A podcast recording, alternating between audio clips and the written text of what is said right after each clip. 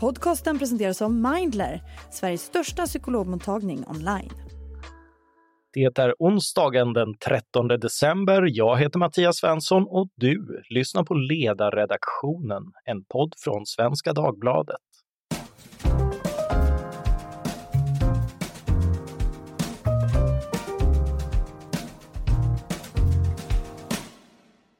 Idag kommer det att handla om något annat än misslyckad integration, nämligen relativt lyckad sådan. Eh, med mig i studion, eller för att vara riktigt ärliga, inte i studion utan på distans från Gotland, har jag nämligen min chef här på ledarredaktionen, Tove Livendal, som är aktuell med boken Tillbaka till Rosengård. Välkommen! Tack så mycket! Varför har du skrivit den här boken? Ja, det, det korta svaret är nyfikenhet. Det är ju så att jag, eh, det är sju samtal om hur livet blev som under rubriken lyder och det är sju personer som jag träffade för första gången för 20 år sedan när de var mellan 12 och 16 år gamla. Och sen för 10 år sedan så, eh, ja, så gjorde jag en uppföljning på det som var den första boken och träffade dem igen och nu blev ändå nyfikenheten för stor för att inte följa den och se vad som har hänt i deras liv.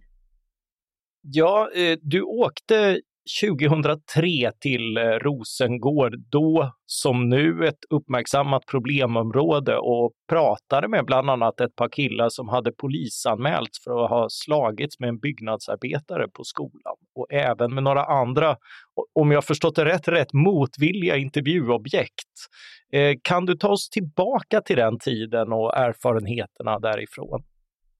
Ja, jag kom ju till Rosengård som ett ja, blåbär eller vad man ska säga. Jag ett yrväder i april? Nej, inte ja, riktigt. inte riktigt.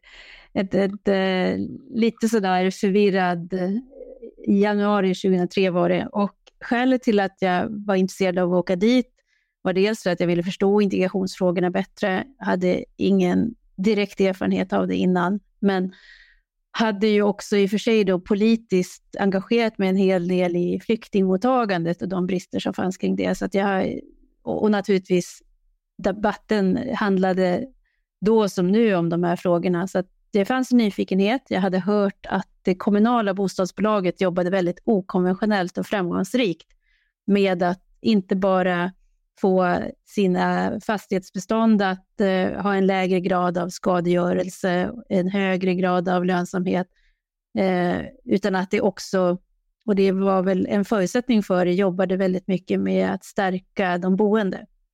Så att jag hade en nyfikenhet, jag fick komma ner för att vara fem veckor hos det bostadsbolaget och lära känna deras verksamhet utan och innan. Men så hade jag också med mig ett uppdrag från Mauricio Rojas på Timbro som tyckte att jag ändå kunde skriva en rapport när jag ändå var där nere och försökte förstå.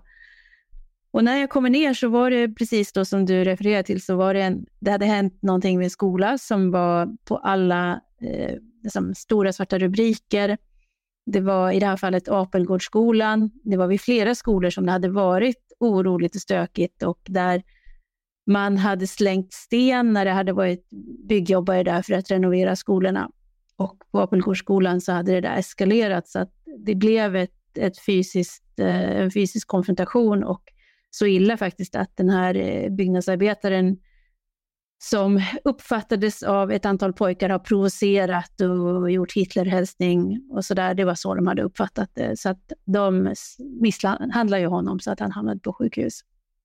Och då tänkte jag att då börjar jag där, om jag ska skriva en rapport eh, om integrationsfrågorna, så börjar jag där det uppenbarligen inte har gått så bra, utan där det faktiskt har lett till en situation som jag inte kan begripa varför det ska behöva bli så illa.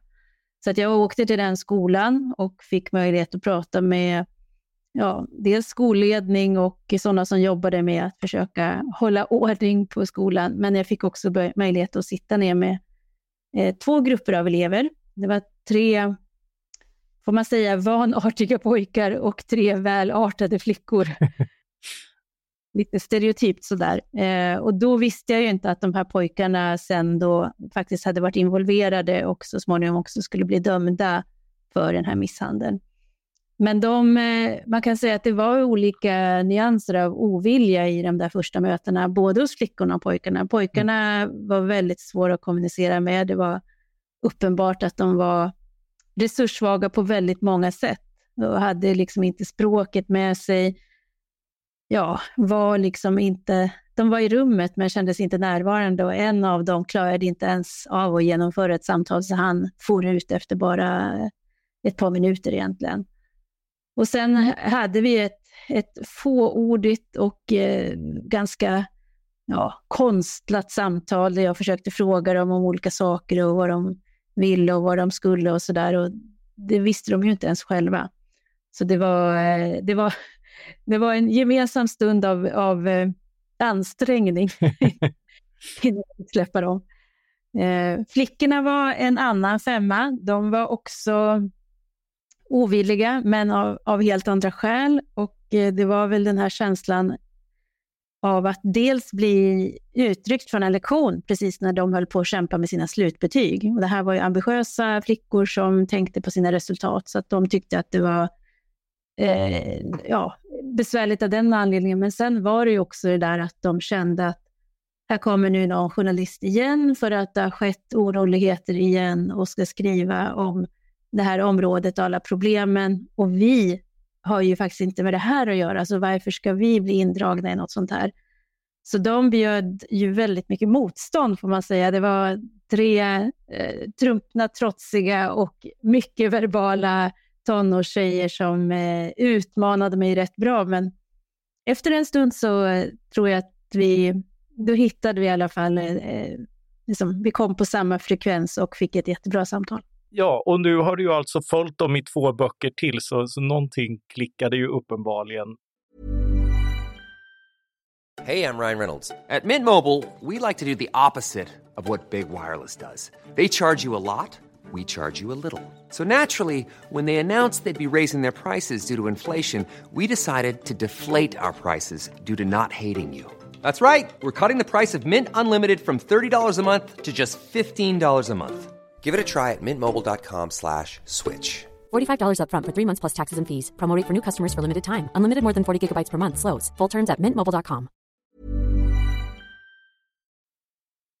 Upplägget känns ju lite, som du beskriver, som i alla fall för killarna, som Stefan Jarls Mods-trilogi. Men, men det är inte några samhällets olycksbarn du träffat numer.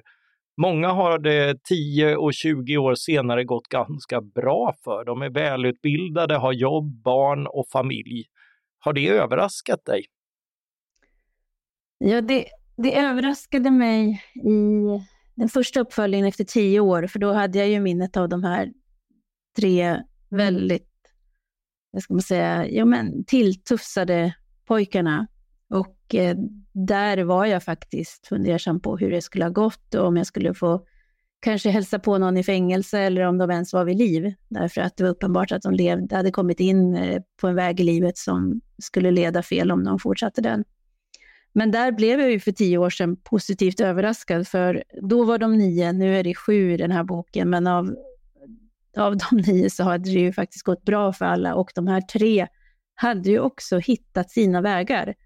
Och mm. eh, två av dem fick ju efter det här eh, misshandeln och fick göra samhällstjänst. Eh, tredje, han som inte klarade av att vara i rummet, han blev ju LVU-ad eh, och satt på institution ett tag. Och eh, det var, ja, jag, jag, får, jag får nästan sådär eh, rysningar när jag tänker på det för att honom, han, han, vi fick kontakt och han bjöd hem mig till sin lägenhet och det var ja, men det var fint och städat. Han hade liksom ansträngt sig och tagit fram fint fika och han var själv väldigt, eh, såg ut att vara i, i, i god form, ögonkontakt, öppen, en helt annan person. Mm. Och då hade han också då utbildat sig, visade sig till socionom uppe i Umeå. Och det hade jag faktiskt inte förväntat mig. Det var otroligt positiv överraskning. Och så väldigt glädjande också nu att då tio år senare se att ja, men det har fortsatt att gå bra. Och nu är han fyra barns pappa dessutom. Ja, det, mm. och man, man, de, de, delar med sig av erfarenheterna också i den nya boken, så det är väldigt eh, fint att läsa.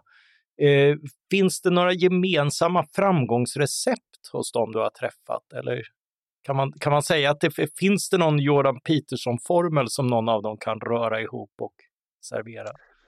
Jag, jag frågar ju dem allihopa eh, den sortens just så här, receptfrågor, alltså vad har varit viktigt, eh, vad krävdes eller vad krävs för att man ska lyckas i Sverige? De har alla invandrarbakgrund. Eh, och eh, så fråga också hur det har präglat dem att växa upp på Rosengård och sådär. Men nej, jag skulle nog säga, ska man... Det är klart att saker och ting spelar roll, vilka förutsättningar man har och sådär. Eh, utan att de kanske själva säger det så skulle jag säga att ja, har man förmånen att få växa upp med en, en funktionell familj och föräldrar som känner att de kan vara föräldrar så har man bättre förutsättningar än om föräldrarna eh, medvetet eller, eller ofrivilligt abdikerar sitt, sin, sitt föräldraansvar. Absolut. Eh, men sen är det ju, det handlar ju på något sätt om att de alla behöver hitta den här inre och det låter lite klyschigt när man pratar om det, men det är ju liksom den här inre viljan, drivkraften och, och, och tron på sin egen förmåga. Mm. Och det är väl tydligt just för de här flickorna, de hade ju med sig hemifrån, eh, där fanns det förväntningar på att det är klart att man ska utbildas, det är klart att man ska vidare och sådär. Så de hade ju med sig den signalen, de hade kanske inte haft någon anledning att, att tänka på något annat sätt. För pojkarna var det annorlunda och då ska jag säga de här pojkarna som jag träffade på skolan, för det finns också intervjuer med ett par pojkar som jag träffat på fritidsgården, som var lite yngre då. Men där fanns det inte samma push hemifrån. Eh, och eh, både Viktor och Amir då, som jag intervjuar, som ju var två av de här pojkarna som var väldigt illa ute. De, de, de, vägen såg lite olika ut, men det, det är den här kombinationen med att känna motivation, eh, börja få den här känslan att jag kanske kan det här. Och i Amirs fall, han som blev LVU, så handlade det om att han hade möjligheten då, han träffade på personer som lyckades få honom att tro på sin egen förmåga och som kunde, i deras förväntningar på att han skulle göra någonting med sitt liv kunde han liksom spegla sig och där hitta motivation. I Viktors fall så var det ju så att han uppfylldes av beskyddarinstinkt när han såg att hans lillebror hade halkat in på samma väg som han själv och kände att det här får liksom inte hända. Eh, Viktors lillebror blev eh, LVU-ad och placerad eh, utanför familjen när han precis skulle fylla 12 och eh, satt på ett hem då med barn som var betydligt äldre, kanske var 14-15 år och redan var kriminellt belastade. Och Viktor insåg att det här är bara en tidsfråga om inte jag aktivt går in och verkligen försöker hålla min bror ifrån det här.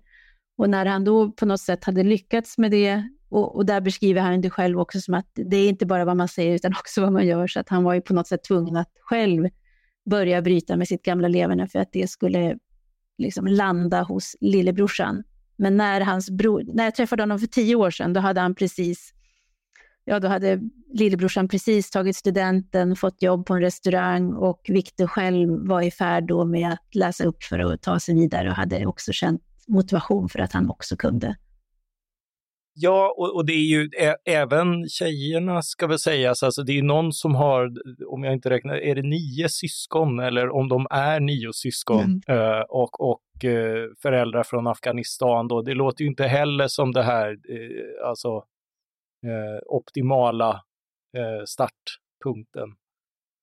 Nej, men där var det ju, eh, där, där fanns det ju då i och för sig en, en förväntan på att de mm. skulle verkligen ta sig fram och anstränga sig så mycket de bara kunde i det här nya landet och hälften av dem är ju universitetsutbildade och hälften är det inte det, med försörjelse av eget arbete. Så att där, där fanns liksom en förväntan och eh, eh, ja, ett, ett, ett värdesystem som pekade åt det hållet. Så det fanns väldigt stöd i det. Sen var ju det, hon beskriver då eh, Fatima hur det var lite tufft för att Rosengård är ju ett stökigt område, så det där med att få studiero, det är en sån sak som vi har pratat mycket om, men det här var, ja, när, när det liksom är stökigt och dessutom så väldigt många syskon så vill det till att man hittar sin brå där man kan vara i fred och kunna få, få, få någonting läst.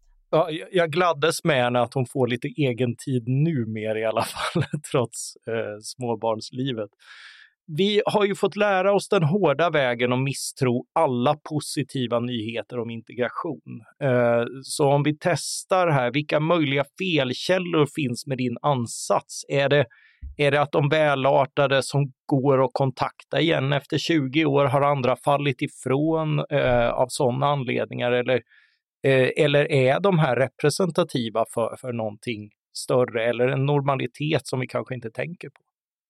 Jag tror att det, så här, det är flera frågor i detta, men jag tror att väldigt många är representativa. Det är ju så, om man tittar på mängden människor som har kommit till Sverige, så är det ju så att jämte alla misslyckanden vi pratar om, så finns ju en success story också. Och det är ju den stora tysta majoriteten av mm. invandringen som har integrerat sig, blivit en omistlig del av Sverige och som vi inte tänker på för att den har fullt upp med att forska vid våra universitet, bemanna vår vård, omsorg, skola, eh, ja, vad du vill så att säga. Det, och de är liksom, de är en del av Sverige, så att då tänker man inte på det.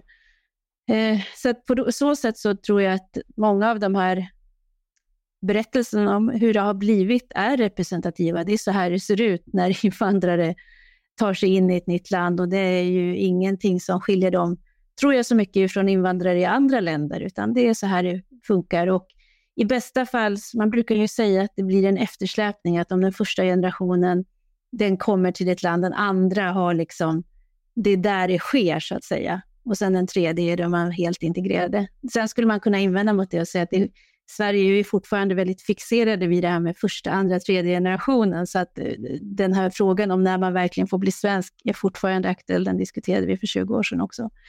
Men sen den här frågan om felslut. Jag gör ju inga anspråk på att säga att eh, det, här är, det här är ingen bok som fastslår att eh, så här ska vi tänka kring invandring eller så här ska vi tänka kring ens integration, utan det här är sju berättelser som de får äga själv. Jag har liksom bara ställt dem, eh, ställt dem till handa, så att säga, så får man dra sina egna slutsatser av det.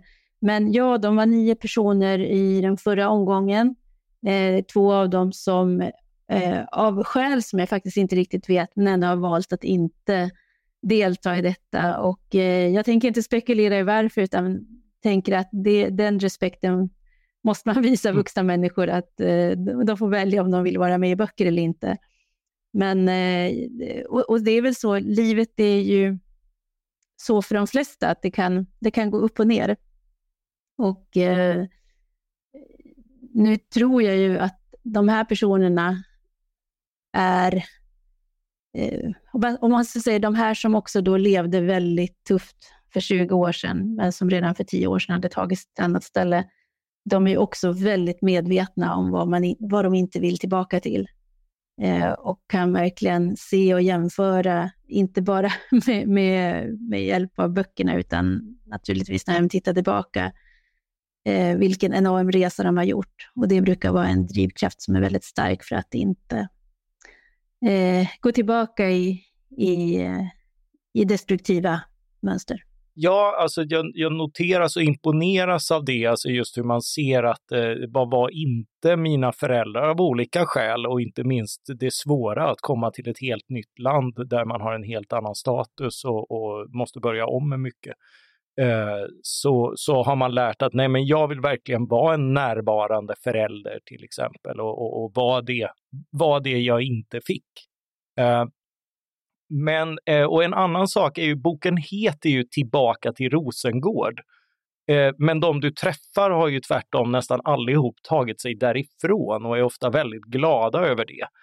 Hur tänkte du om titelvalet och om att nästan alla flyttat? Ja, det där, vi, vi pratade länge om det. Det, det. det, är jättesvårt att göra en boktitel.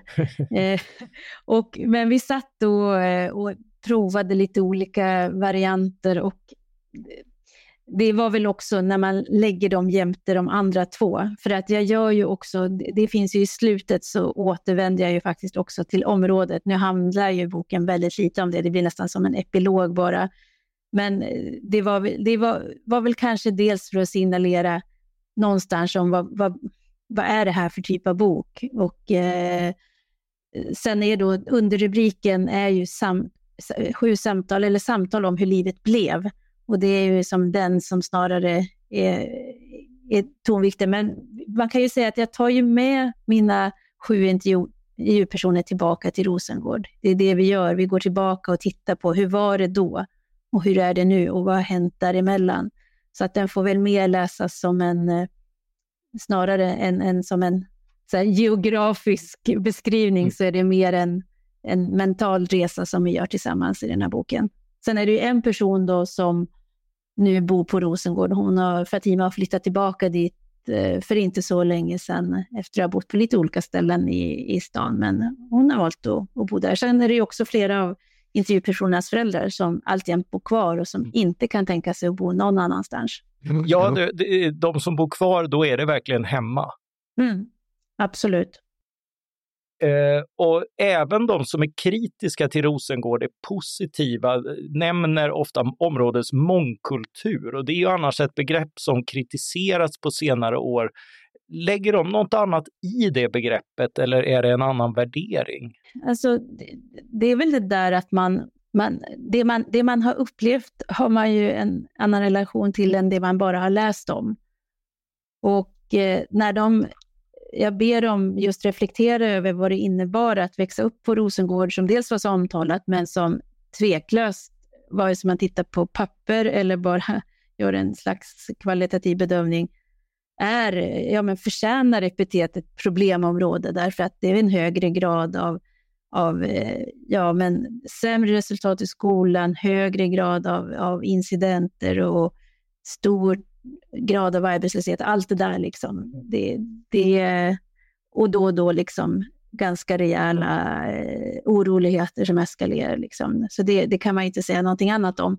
Men de har ju alla då, det har ju varit deras hem, det har sett olika ut därför att det spelar stor roll, precis som i alla andra områden, bor i samma trappuppgång som någon som har som stora drogproblem och är utlevande och så blir det otryggt. Eh, bor du i en trappuppgång där det är harmoniskt så kommer det att prägla din bild av Rosengård, för det blir det närmaste du upplever. Så där har, och, och jag, jag tänker Fatima eh, som tänker tillbaka på och nästan tycker synd om de här skärmande barnen idag när hon var ute och fick liksom skita ner sig i leran och leka liksom på gården. Det minns hon från gården. Medan gården för kanske Amir och Viktor blev den tillflyktsort där man odlade ett destruktivt beteende för att man kände inte att man kunde vara hemma. Mm. Eh, så det blir, det blir väldigt olika vem du frågar, men det här med att alla kommer någonstans ifrån, det kan man väl säga att de, de har ju aldrig behövt, som många andra svenskar, behövt vänja sig vid det faktum att folk kommer ha lite olika berättelser och historier, för där var utgångspunkten att alla var någonstans ifrån. Ryan Reynolds här från Mint Mobile. Med the price of just about everything going up during inflation, we thought we'd bring our prices down. So to help us, we brought in a reverse auctioneer, which is apparently a thing. Mint Mobile unlimited premium wireless. Ready to get 30, 30, bit to get 30, bit to get 20, 20, 20, bit to get 20, 20, bit to get 15, 15, 15, 15 just 15 bucks a month. So, Give it a try at mintmobile.com/switch. slash $45 up front for 3 months plus taxes and fees. Promo rate for new customers for limited time. Unlimited more than 40 gigabytes per month slows. Full terms at mintmobile.com.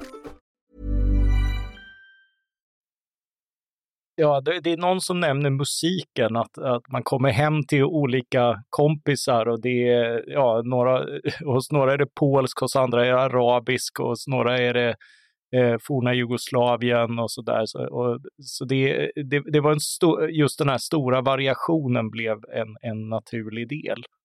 Ja, eh, det är ju Viktor, han är väldigt förtjust i musik och lyssnar också fortsatt på väldigt mycket olika sorters musik. Och Ja, men jag, jag, vet ju, det vet ju vi båda hur det låter i debatten, att det, den har ju också verkligen böljat åt olika håll. Och från det här väldigt så här, åh det är så fantastiskt med all mat och mångkultur, till det här med att hånfulla, att mångkultur är liksom, ja, där gick svenskarna verkligen fel. Och det, det finns ju liksom fog för båda, för båda delarna, men här tänker jag att Ja, jag, jag, tror att det är, jag tänker Mandana nu som är med och utvecklar Ikeas eh, liksom spjutspetsverksamhet som är sant internationell. Jag tror det är en fördel för henne att hon redan från unga år har som lärt sig att möta människor som kommer med helt olika eh, så värdesystem, eh, bakgrund, erfarenheter. Jag, jag tror att de som, och det, det, det, tycker jag också att de håller fram, att ja, men det här är en fördel. Man kan, man kan, alla ens erfarenheter kan ju bli fördelar om man väljer att se dem som det. Och Det tycker jag att de gör på ett, på ett sätt som inte blir vare sig så där romantiskt eller blommigt, men det är liksom bara krasst konstaterande att jo, men det här har vi fått med oss härifrån, som kanske inte alla andra har fått. Ja, för jag tycker att eh, det är ingen som går in i den här liksom invandraridentiteten eller, eller en etisk identitet, utan, utan hemma är en blandning och det är naturligt. Och sen, sen så är annat en blandning också. Eh, en, en relaterad sak jag tänkt på är att framförallt männen har eh, helt andra normer nu än när de var unga och struliga. De har alla klarat av att bryta med eh, de tidigare normerna och ännu fler i boken berättar om att vara sin egen eh, och exempelvis hellre vara för sig själv än anpassa sig för att behaga släkt och omgivning och sånt där. Och ändå är det så mycket i samhällsdebatten som diskuteras utifrån att, att normer är något närmast eh, medfött och permanent. Ja, men här tänker jag nog att eh, vill man göra en sån där antropologisk studie så kanske det här är en bra exempel att titta på vad som händer. För det är ju det där med att normer och värderingar förändras över tid och de förändras när, när man placerar människor i andra, i nya sammanhang. Och det här, jag tror att det är Edis som beskriver hur Ja, men det, det kan vara diskussioner med äldre generationer. De kan ha synpunkter på livsval och sådär, men det är inte så att det blir konflikter. Men man kan bara konstatera att okej, okay, vi gör på ett annat sätt. Vilket ju inte skiljer etniska svenskar från invandrare, utan det där det förändras synsätt över generationerna. Ja, och när man eh, växer upp. Ja, och, eh, och det, sker ju, det sker ju här också. Sen är det klart att har du haft en väldigt stark... Eh, menar, det är ju flera av dem som nämner på ett sätt som jag inte riktigt är van vid att höra kanske av etniska svenskar, att ja, men stora beslut, ja, men då, diskuterar, då är det familjen och då kanske inte bara den allra närmaste partnern eller sådär. Eh, här är vi ju, Sverige är ju ett särlingsland, det är individualistiska, vi ska liksom inte ha några beroenden åt något håll och när våra blir äldre, då ska de in på ett hem så vi inte behöver ta ansvar och sådär. Så där, är ju, det, där tycker jag man måste ha i åtanke att Sverige är inte det... Alltså, Sverige är inte det, normen. Nej, precis. Och det som är normalt för oss är eh, inte det i många andra länder. Så att här tycker jag ändå att man kan se att de, så som de ger uttryck för, i alla fall i de här samtalen, som jag ändå uppfattar som, som ja, ärliga och uppriktiga, är ju att de tar lite av varje. De, de, de har liksom sett andra sätt eh, än det som kanske familjen hade eller vad som fanns i hemlandet. En del har ju inte heller ens varit och har en relation med det som var ursprungslandet för deras föräldrar. De kanske åkt dit några gånger, men det är inte liksom ett land där de är hemma. Mm, nej. Eh, men, men så, så, det är väl också det när vi nu, just nu i debatten är inne, och det är klart nu har vi ju man tänker på allt det här som har hänt efter 7 oktober, när det har liksom synliggjorts några så enorma värderingsklyftor i Sverige. Ja, men det är ju inte den stora gruppen, skulle jag säga, som har, hyser sådana gigantiskt stora skillnader, utan, utan här pågår liksom en, en integration, om man så mm. vill säga, där det blir den här sammansmältningen och eh, man hittar sin väg. Och det blir, kommer att vara en kombination av det man anammar i det svenska och där man verkar och där man vill att ens barn ska fungera. Och en del inslag som man har med sig från andra kulturen. Till exempel en Kleenex-låda på vardagsrumsbordet. Eh, ja, eh, just när du gjorde de här reportageresorna tidigare under hösten så exploderade ju nya kravaller i Rosengård efter att eh, Salvan Momika, är det någon som minns honom fortfarande, eh, bränt en koran i Malmö. Hur gick resonemangen bland dem du intervjuade om det som hände? Ja, jag fick ju faktiskt ringa upp då och fråga därför att det, hade, det var precis när jag hade kommit hem. Eh, sen är det ju som sagt, ja, de, ja, det, det, är inte så att det inte har hänt någonting på lång tid, utan det, det, var, det, har, det händer ju ibland mm. då och då på Rosengård. Men eh, jag har ett, ett längre resonemang om, om det där med Fatima-boken som är också eh, väldigt troende muslim. Hon eh, bar slöja första gången jag träffade henne för 20 år sedan. Hon gör det alltjämt. Och eh, för henne så är liksom, ja, hennes barn och, och hennes tro är liksom det viktigaste för henne i livet. Och jag ringde henne för att resonera om det här, hur hon kände och tänkte och så. Och det hon gav uttryck för, så tror jag ju att de flesta moderata muslimer resonerar. Eh, bara det att vi inte hör dem så ofta i medierna, för där brukar man ofta välja de mest eh, som de starkaste kontrahenterna på något sätt. Och det var också hennes reflektion att man, man, eh, man medierna bär också en, eh, ett visst ansvar för att det blir så tillspetsat. Men hon uttryckte det som att hon blir, ju, hon blev, hon blir väldigt ledsen när någon bränner en koran. Det är någonting som betyder väldigt mycket för henne och det, för henne så är det liksom en av de viktigaste eh, tingen som finns, för det, den, det rymmer så mycket annat. Men hon blir lika ledsen när personer med hänvisning till en koranbränning tar sig rätten att och, eh, förstöra, bränna bilar eller vad det kan vara och åsamka skador på ett område. För henne så är inte det... Eh, hon menar ju att då har man inte liksom, då är man inte en sann muslim, därför mm. att hennes tolkning av islam innebär inte att man brukar våld på det sättet. Så kan man, ju, man kan säga sin mening och berätta att man känner sig ledsen och kränkt för att någon bränner ens heliga bok, precis som om, som jag tror hon säger, om någon skulle bli väldigt ledsen ifall jag tar någon som kanske har en nalle eller något annat mm. som är väldigt kärt och bestämmer sig att bränna upp det. Det är liksom, ja, folk har rätt att bli ledsna. Ja. Men, eh, men däremot så, som sagt hon blir lika ledsen för att andra då använder det här som förevändning för att skapa ytterligare motsättningar. Och sen vet hon ju själv också att hon, genom att hhon då synbart eh, är troende muslim, så vet hon ju också då att då kommer det att ytterligare spä på tankar eh, om att, ja men titta, så där är muslimer, de, de står inte ut med att man bränner deras böcker, så då förstör de samhället och sen får hon reaktionerna på det. Mm. Så att det, ja, det var eh, Eh, men jag tänker att så som hon resonerar, det, jag skulle tänka mig att tankarna går så hos, hos många moderata muslimer. Ja, och, och det är väl eh, det, det, är svårt att skrika ut den typen av komplexa, komplexa resonemang.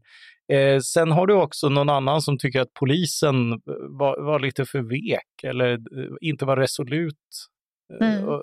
nog. Precis. Eh, och, Just det, och det är ju det här, och det, det blev ju mycket diskussion om det också efteråt, att, eh, för det, där reaktion var att, men varför sätter de inte gräns? Mm. Men varför ska man acceptera sånt här beteende?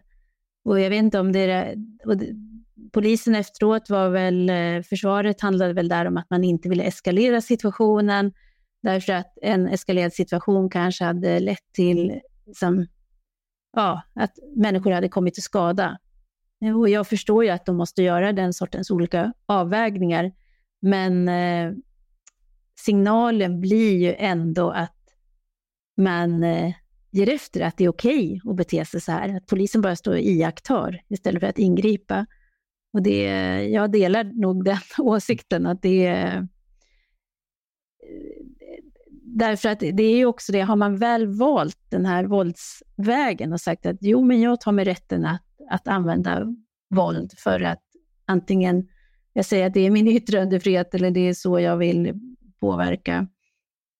Då, jag tänker att nej, vi, det, det, är inte, det är inte så vi beter oss i det här samhället. Vi, vi har bestämt oss för att man får utöva sina demokratiska rättigheter på andra sätt och då behöver det vara en tydlig signal. Eh, en del intervjuade nämner att villkoren för den som växer upp i Rosengård idag är värre än det var för dem. Eh, vad är det som har blivit värre?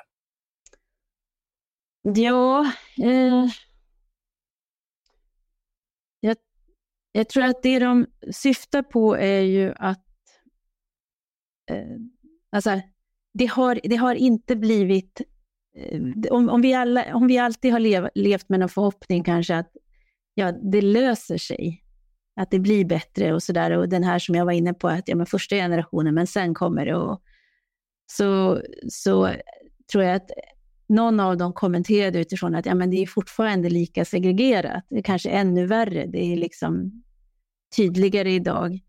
Eh, och det där tycker jag, det är, det är svårt att bedöma det, därför att Rosengård är ett sådant område som är typiskt att man tar emot, dit kommer människor som inte har så mycket, eh, men de kanske har en släkting där eller kanske en vän där och det är mer än på något annat område i, Sverige. Men det innebär också att om man kommer dit och inte har så mycket så kommer man förmodligen att innebära en pinne till i statistiken för arbetslöshet och eh, ens barn kanske inte klarar att gå igenom skolan med fullständiga betyg. Så jag tycker att det är vanskligt att slå fast eh, sådana saker. Men om man tittar på det som flera av dem lyfter så handlar det också om, om man tänker sig den kriminalitet som eh, Viktor och Amir var inbegripna vid, ja, det, de beskriver att det eskalerade snabbt och att det blev, eh, det, det, var allvarligt. Men som, som Viktor säger, vi, liksom, vi, vi höll inte på liksom och hotade folk med knivar eh, för att de skulle ge oss saker. Det var stölder, inbrott, det var narkotika, eh, den sortens saker. Men det, det, det är liksom... Nu är det råare. Det är ett råare våld, det går längre ner i åldrarna. Eh, om man tidigare var så att de som var i de här gängen eh, sålde narkotika och så där, så är det ju nu liksom ja, men små unga på elsparkcyklar som åker runt och, och gör de där. Så att det har krypit ner i åldrarna. Och dessutom så med den här, eh, man kan säga att Viktor och Amir, ja, de, de, bildade ett gäng, men det var liksom inte den här gängstrukturen som vi har idag, där det är liksom en väldig nästan industrialisering av hur man rekryterar och har olika platser åt alla. Och de strukturerna idag är hårdare, de förråar mer och de är också mycket, mycket svårare att lämna. Det kan vara förenat med livsfara att försöka lämna en sån struktur och det var inte riktigt så då.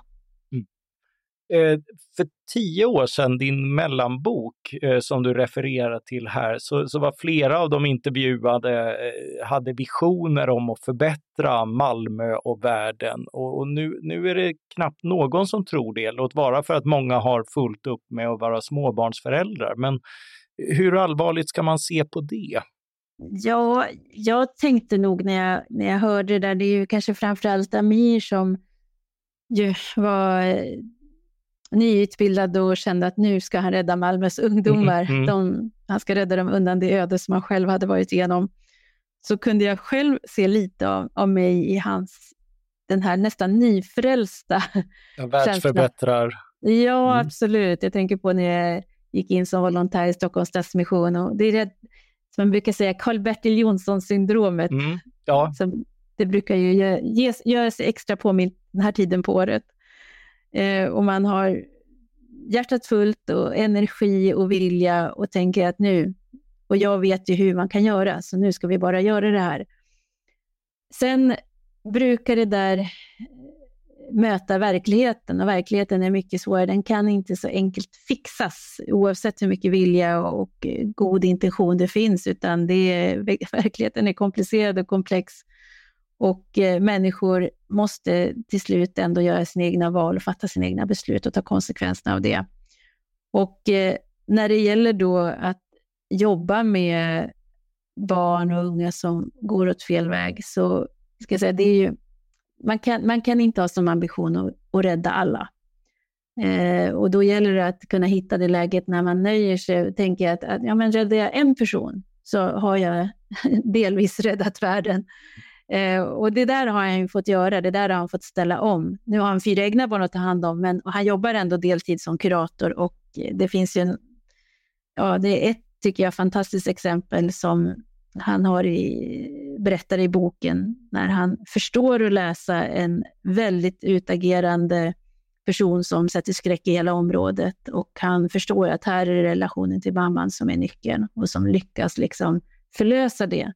Vilket också gör att den här stora biffiga killen som har varit en plåga för sitt område kunde hitta en annan väg. Ja, och det där fick en... även jag en liten, en liten tår i, i ögonvrån. Ja, ja, men det är ju, och det är något, det är ju den sortens eh, mirakel får man säga, kanske bara var möjlig genom att Amir själv, eh, han förmådde nå fram där och, mm. och var tillräckligt envis för att, att genomdriva det här mötet med, med mamman och den här stora bjässen. Eh, så att, så att, ja, det är väl det som, det, jag tror inte man ska jag tror inte man ska ta så allvarligt och säga att en, en, en erfarenhet eller ett par erfarenheter säger någonting om att nu är vi i ett mycket sämre läge. Men det jag tycker snarare man ska ta med sig är att de här personerna som har varit illa ute, de vet också hur mycket som krävs. Eller kan man vända på det, hur lite som krävs. Mm. Att I Amirs fall så var det en, en person som hette Damon, han finns inte kvar längre, men som lyckades ingjuta det här i Amir att ja, men, mm, han trodde på mig, säger Amir. Och sen kunde Amir i sin tur ge vidare till den här bjässen och se vad han behövde. Och, så jag tror mer att kan man, kan man se det och kan man hitta, kan man kanske få fler som har tuffa erfarenheter att ja, pay it forward som man säger, att skicka vidare, så är det, det är något enormt vunnet. Men jag tror inte vi ska dra några, det går inte att dra några generella växlar på att det inte går att rädda Malmö på tio år, utan det, det sker fantastiska räddningsaktioner hela tiden. Det, det enda som jag tänker vi måste ju lära oss någonstans, det är det här, liksom, sluta ha den här övertron på att ja, om vi bara får rätt insikter hos politikerna och politikerna kan skriva den fantastiska liksom, reformen, då kommer allting att fixa sig. Ja, som Utan... det är en ekvation som någon Exakt. sitter och löser. Ja, ja. Eh, men om, om vi går till det här, eh, det, eh, Tove Livendal för 20 år sedan hade ju ändå tio nycklar som skulle låsa upp integrationen eh, och, och jag hittade inga eh, nycklar här. Men, men efter att ha följt den här frågan i 20 år, eh, någon tanke borde du ju ändå ha om vad kunde och borde ha gjorts annorlunda? Ja, de tio nycklarna tycker jag står sig bra. Eh, det är väl eh, fyra av dem som handlar om att mer så förstå och få den här diskussionen, vad är vi, vad, vad har vi för vad tänker vi kring integration? Vad, vad vill vi ska vara målet och så där? För där har det ju varit så att vi säger alla de här orden, integration, mångkultur, eh, tolerans, acceptans, de används ju hela tiden, men det är sällan eh, det betyder samma sak för två personer. Och så kan, men det låter liksom tjusigt. Så, och, så det, det handlar ju fyra pusselbitar, att bara försöka rodda i, i, i inställning, attityder och där tror jag det finns förklaringar till varför vi flera gånger faktiskt har stått i vägskäl och gått fel. Ehm, men eh, också förståelse för att det här handlar om var vi kommer ifrån. Jag tänker på det, för 20 år sedan så eh, jag träffade häromdagen en diplomat som var väldigt nyfiken på Sverige och ville förstå varför gör ni på det här sättet och vad kommer det här ur? Och det verkar finnas vissa saker som ni inte vågar prata om öppet. Nej, säger du det? Men då drog jag mig till minnes någonting som jag hittade för 20 år sedan. Det var en relativt nyutkommen bok. Det var inte tio år ens en gång, eh, som var utgiven vid Centrum för mångkulturell analys, tror jag det hette, vid Uppsala universitet. Och den hette Handbok i etniska minoriteter. Mm. Och jag, jag tänker att det var verkligen, det är Sverige i ett nötskal. Att eh, dels den här, eh, det här arvet från det här Sverige som kunde planera allt, Mm. modernisera. Och har vi bara en manual Mm. för diskbänkar och invandring, då löser sig allting. Och hur man är gift med ett barn. Exakt. Det är precis den, den traditionen som den eh, olycksaliga broschyren tillkom i. Men sen också finns det ju en, en jättestor vilja att göra rätt och en stor rädsla för att inte göra fel.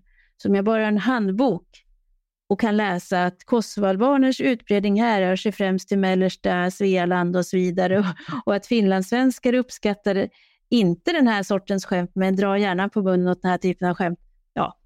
Då kanske jag lyckas i mötet. och, och den där eh, alltså nästan eh, ja, men upptäcktsresandes eh, inställning till det främmande, det låg ju kvar länge skulle jag säga. Vi, vi har haft tropikhjälmen på oss här hemma lite grann. Exakt så. Eh, men sen då de andra pusselbitarna, det är ju välkända eh, nycklar. De, eh, de finns kvar. Språkets betydelse, bostad, skola, arbete, själva mottagandet, vad du skapar för incitament i liksom den första kontakten eh, och i vilken grad vi har aktörer eh, och vad de förmår. Alltså, de är ju de samma. Eh, och då blir frågan som du ställer då, vad, vad, vad kunde man ha gjort tidigare? Då kommer det låta som vi låter på ledarsidan hela tiden. Ja. Man kunde haft en, en, en, en mer flexibel och liberaliserad arbetsmarknad så att det var enklare att hitta enkla jobb. Kombinerat då gärna, det skriver jag inte om där, med en skattepolitik som till exempel medger ett rejält grundavdrag för, säg första 100 000, så du inte direkt behöver känna att oj, oj, vad mycket jag jobbar och vad lite jag får behålla, utan som verkligen skapar incitament för att stå på egna ben.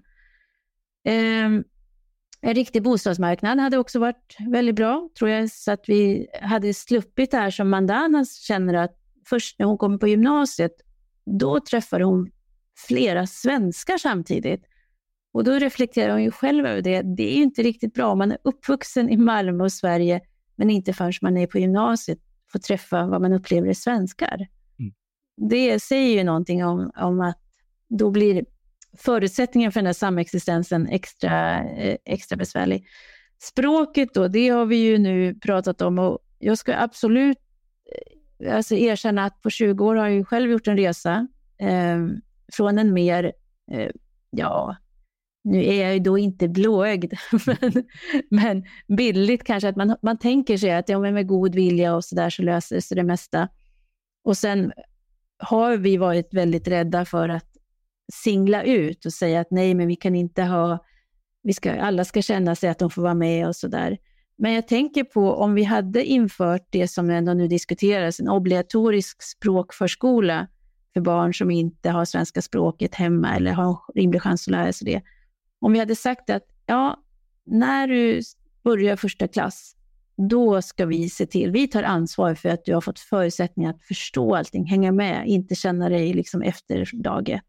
Jag tror att det kunde ha gjort skillnad.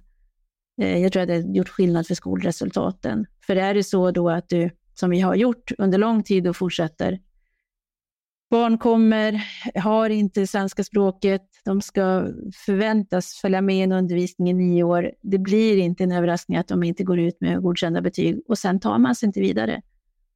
Så det här tycker jag ju är ett svek faktiskt. Så det är ett exempel på någonting som borde ha gjorts för 20 år sedan och det är bra om det kommer på plats nu. Mm.